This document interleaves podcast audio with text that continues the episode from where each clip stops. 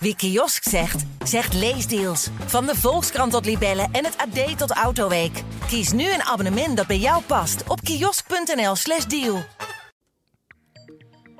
Van jongs af aan krijg je het als inwoner van Marienheem ingepeperd. Kijk uit voor de gevaarlijke N35, de rijksweg die het Sallandse dorp letterlijk in tweeën splitst. Een oplossing waar al meer dan 30 jaar over wordt gepraat is een rondweg. Maar daar zette de minister recent weer een streep door. De consequenties van dat besluit ervaart gasthouder Mariette Kemper dagelijks. Je luistert naar Moet je horen, waarin we bijzondere verhalen van de Stentor aan je voorlezen. Met in deze aflevering hoe kan het dat één weg het leven in dit Sallandse dorp al generaties lang beïnvloedt? Met een kind op de schouders en nieuwsgierige kleuters achter haar opent de 51-jarige Mariette Kemper de voordeur. De laatste moeder brengt haar kinderen naar de gasthouder. Het is een gezellige boel in Huizen Kemper. De een kleurt, de ander bouwt met Lego. Nog één kus van moeder Anne Nijland en dan laat ze haar kinderen achter. Terwijl Mariette zich ontfermt over de kinderen, loopt haar man Henk met Anne mee naar buiten. Hij zegt: Iedereen die hier weggaat, zwaaien we uit om te kijken of ze veilig de N35 opdraaien. Door de bomen zie je het verkeer niet. Ik maai, tot ongenoegen van de instanties, zelf het gras langs de weg, zodat je in elk geval de koplampen ziet. In het verleden maakten bewoners in het dorp een fietspad over eigen terrein om een veilig kruispunt aan de andere kant van het dorp te kunnen bereiken. Containers worden pas 's avonds laat aan de weg gezet. Omwonenden dragen dan hesjes en lampjes voor de veiligheid.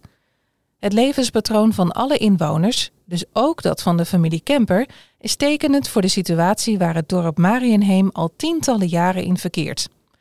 Want wie het Sallandse dorp inrijdt, wordt direct met grote protestspandoeken langs de weg geconfronteerd. Inwoners van Marienheem in nood. Veiligheid en leefbaarheid in het geding. Onbetrouwbare politiek. Het heeft alles te maken met de N35 die dwars door het dorp loopt. Een van de weinige N-wegen in Oost-Nederland waar het Rijk verantwoordelijk voor is. De N35 loopt van Zwolle richting Twente. Marienheem is een van de dorpen waar mensen zich al tientallen jaren druk maken voor een oplossing voor de steeds drukker wordende weg. De N-weg splitst het dorp letterlijk in tweeën. De school en kerk zitten aan de ene kant, woningen aan de andere kant. In de afgelopen 30 jaar is het dorp vanuit Den Haag meerdere keren miljoenen beloofd. In 2020 was een rondweg weer volledig in beeld door de grootste gezamenlijke investering van 200 miljoen door het Rijk en de provincie Overijssel. Toch drukte demissionair minister Mark Harbers afgelopen juni weer op de pauzeknop.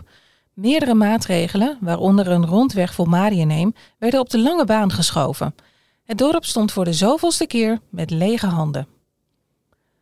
Harber stelde de 100 miljoen euro nodig te hebben voor het op peil houden van bestaande infrastructuur. Stikstofproblemen en geldtekort zijn volgens hem ook oorzaken. Maar is er wel een stikstofprobleem voor de N35? En kan het Rijk te pas en te onpas investeringen toezeggen om die beloftes vervolgens weer in te trekken? Het zijn vragen waar ook de familie Kemper mee zit. Zelfs in de zomervakantie staat het leven van het gezin in het teken van de N35. Ze leven er niet alleen mee, ze werken er ook mee. Mariette Kemper is al 21 jaar gasthouder. Ze krijgt de allerjongste inwonertjes van Marienheem dagelijks over de vloer. En dat is absoluut niet zonder gevaar. De enige weg om bij het perceel te komen is de N35. Er is geen achterom. Er is geen olifantenpaadje. Met gevaar voor eigen leven moeten ouders op een 80 kilometer weg stilstaan tot er een perfect moment is om het erf van de familie op te rijden. Het is de enige aansluiting op de bewoonde wereld. Zelf steekt Kemper elke dag met de jonge kinderen in een bolderkar de weg over of fietst er via het fietspad naar een andere oversteek, bijvoorbeeld naar school of de peuterspeelzaal. Ze praat er luchtig over, ze is het inmiddels gewend. Maar als je er van een afstand naar kijkt, is het een bijzondere situatie. De ouders die hun kinderen bij het gastgezin brengen, tekenen van tevoren een contract. Zwart op wit staat dat Mariette bijvoorbeeld met de kinderen de N35 over mag steken. En als er wat gebeurt, is zij niet aansprakelijk. Dat moest op aandringen van de GGD. De organisatie kwam naar de situatie kijken bij de opvang. Ze zagen het liefst dat we een achteruitgang hadden. Maar dat kan hier niet. Er is geen weg dwars door het weiland. Dus vonden ze het verstandig om dit als soort contracteis op te nemen. Daar staat in dat ik met de kinderen de weg over mag steken, langs de weg mag fietsen en dat de kinderen in het centrum van het dorp het tunneltje onderdoor mogen en aan de andere kant op mij wachten. Het tunneltje in het dorp is waar buitenstaanders vaak naar wijzen. Je hebt het tunneltje toch? Maar die is niet voor auto's. En senioren of mensen met een bakfiets, zoals ik, kunnen daar niet doorheen. Dat is niet te doen. Dus nee, het tunneltje biedt niet altijd uitkomst, zegt Kemper. Haar man Henk vult aan. Ik ben hier geboren, opgegroeid met deze weg voor mijn huis. Je kan niet te laks zijn met oversteken. Eén keer niet goed uitkijken en je bent dood. Het tekent de situatie in het dorp.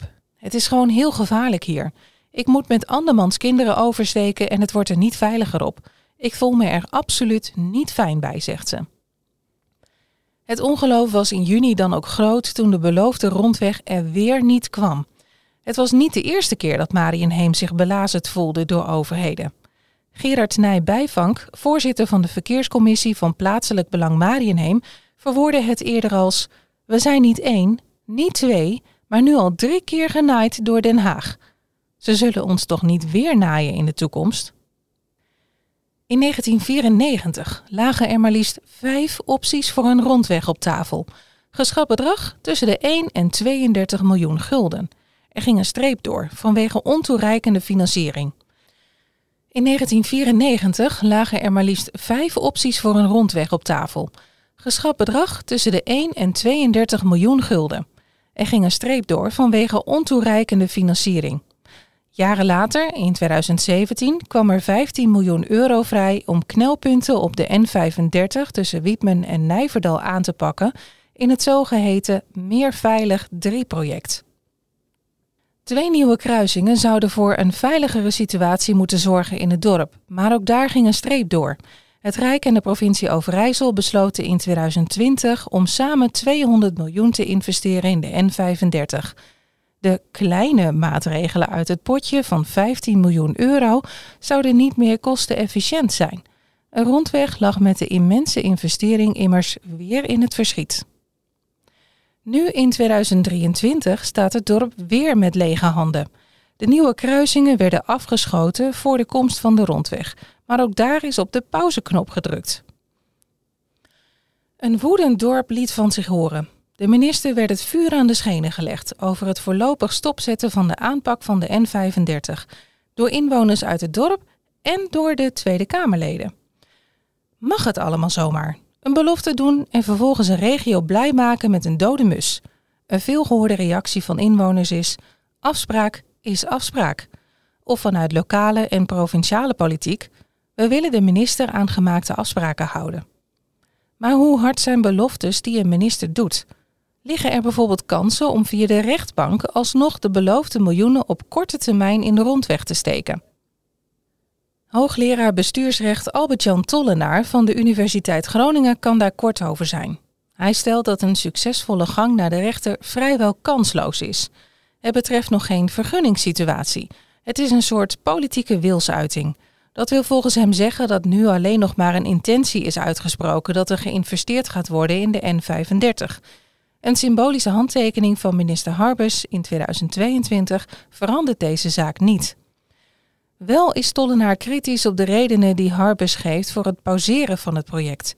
Een van de redenen om het meerjarenprogramma aan te passen is dat de minister denkt dat hij toch geen vergunning kan of wil verlenen in verband met stikstof. Dat lijkt mij geen hout te snijden, gezien ook de opvatting van advocaat Anna Collignon en de discussie daarover in de Tweede Kamer. De hoogleraar wijst naar uitspraken van de advocaat van advocatenkantoor Stibbe. Volgens Collignon, gespecialiseerd in het stikstofdossier en omgevingsrecht, is het besluit om belangrijke infrastructuurprojecten voorlopig in de ijskast te zetten vanwege het tekort aan stikstofruimte te kort door de bocht. Collignon zegt dat de minister essentiële projecten wel degelijk vergund zou kunnen krijgen, mits hij die goed motiveert.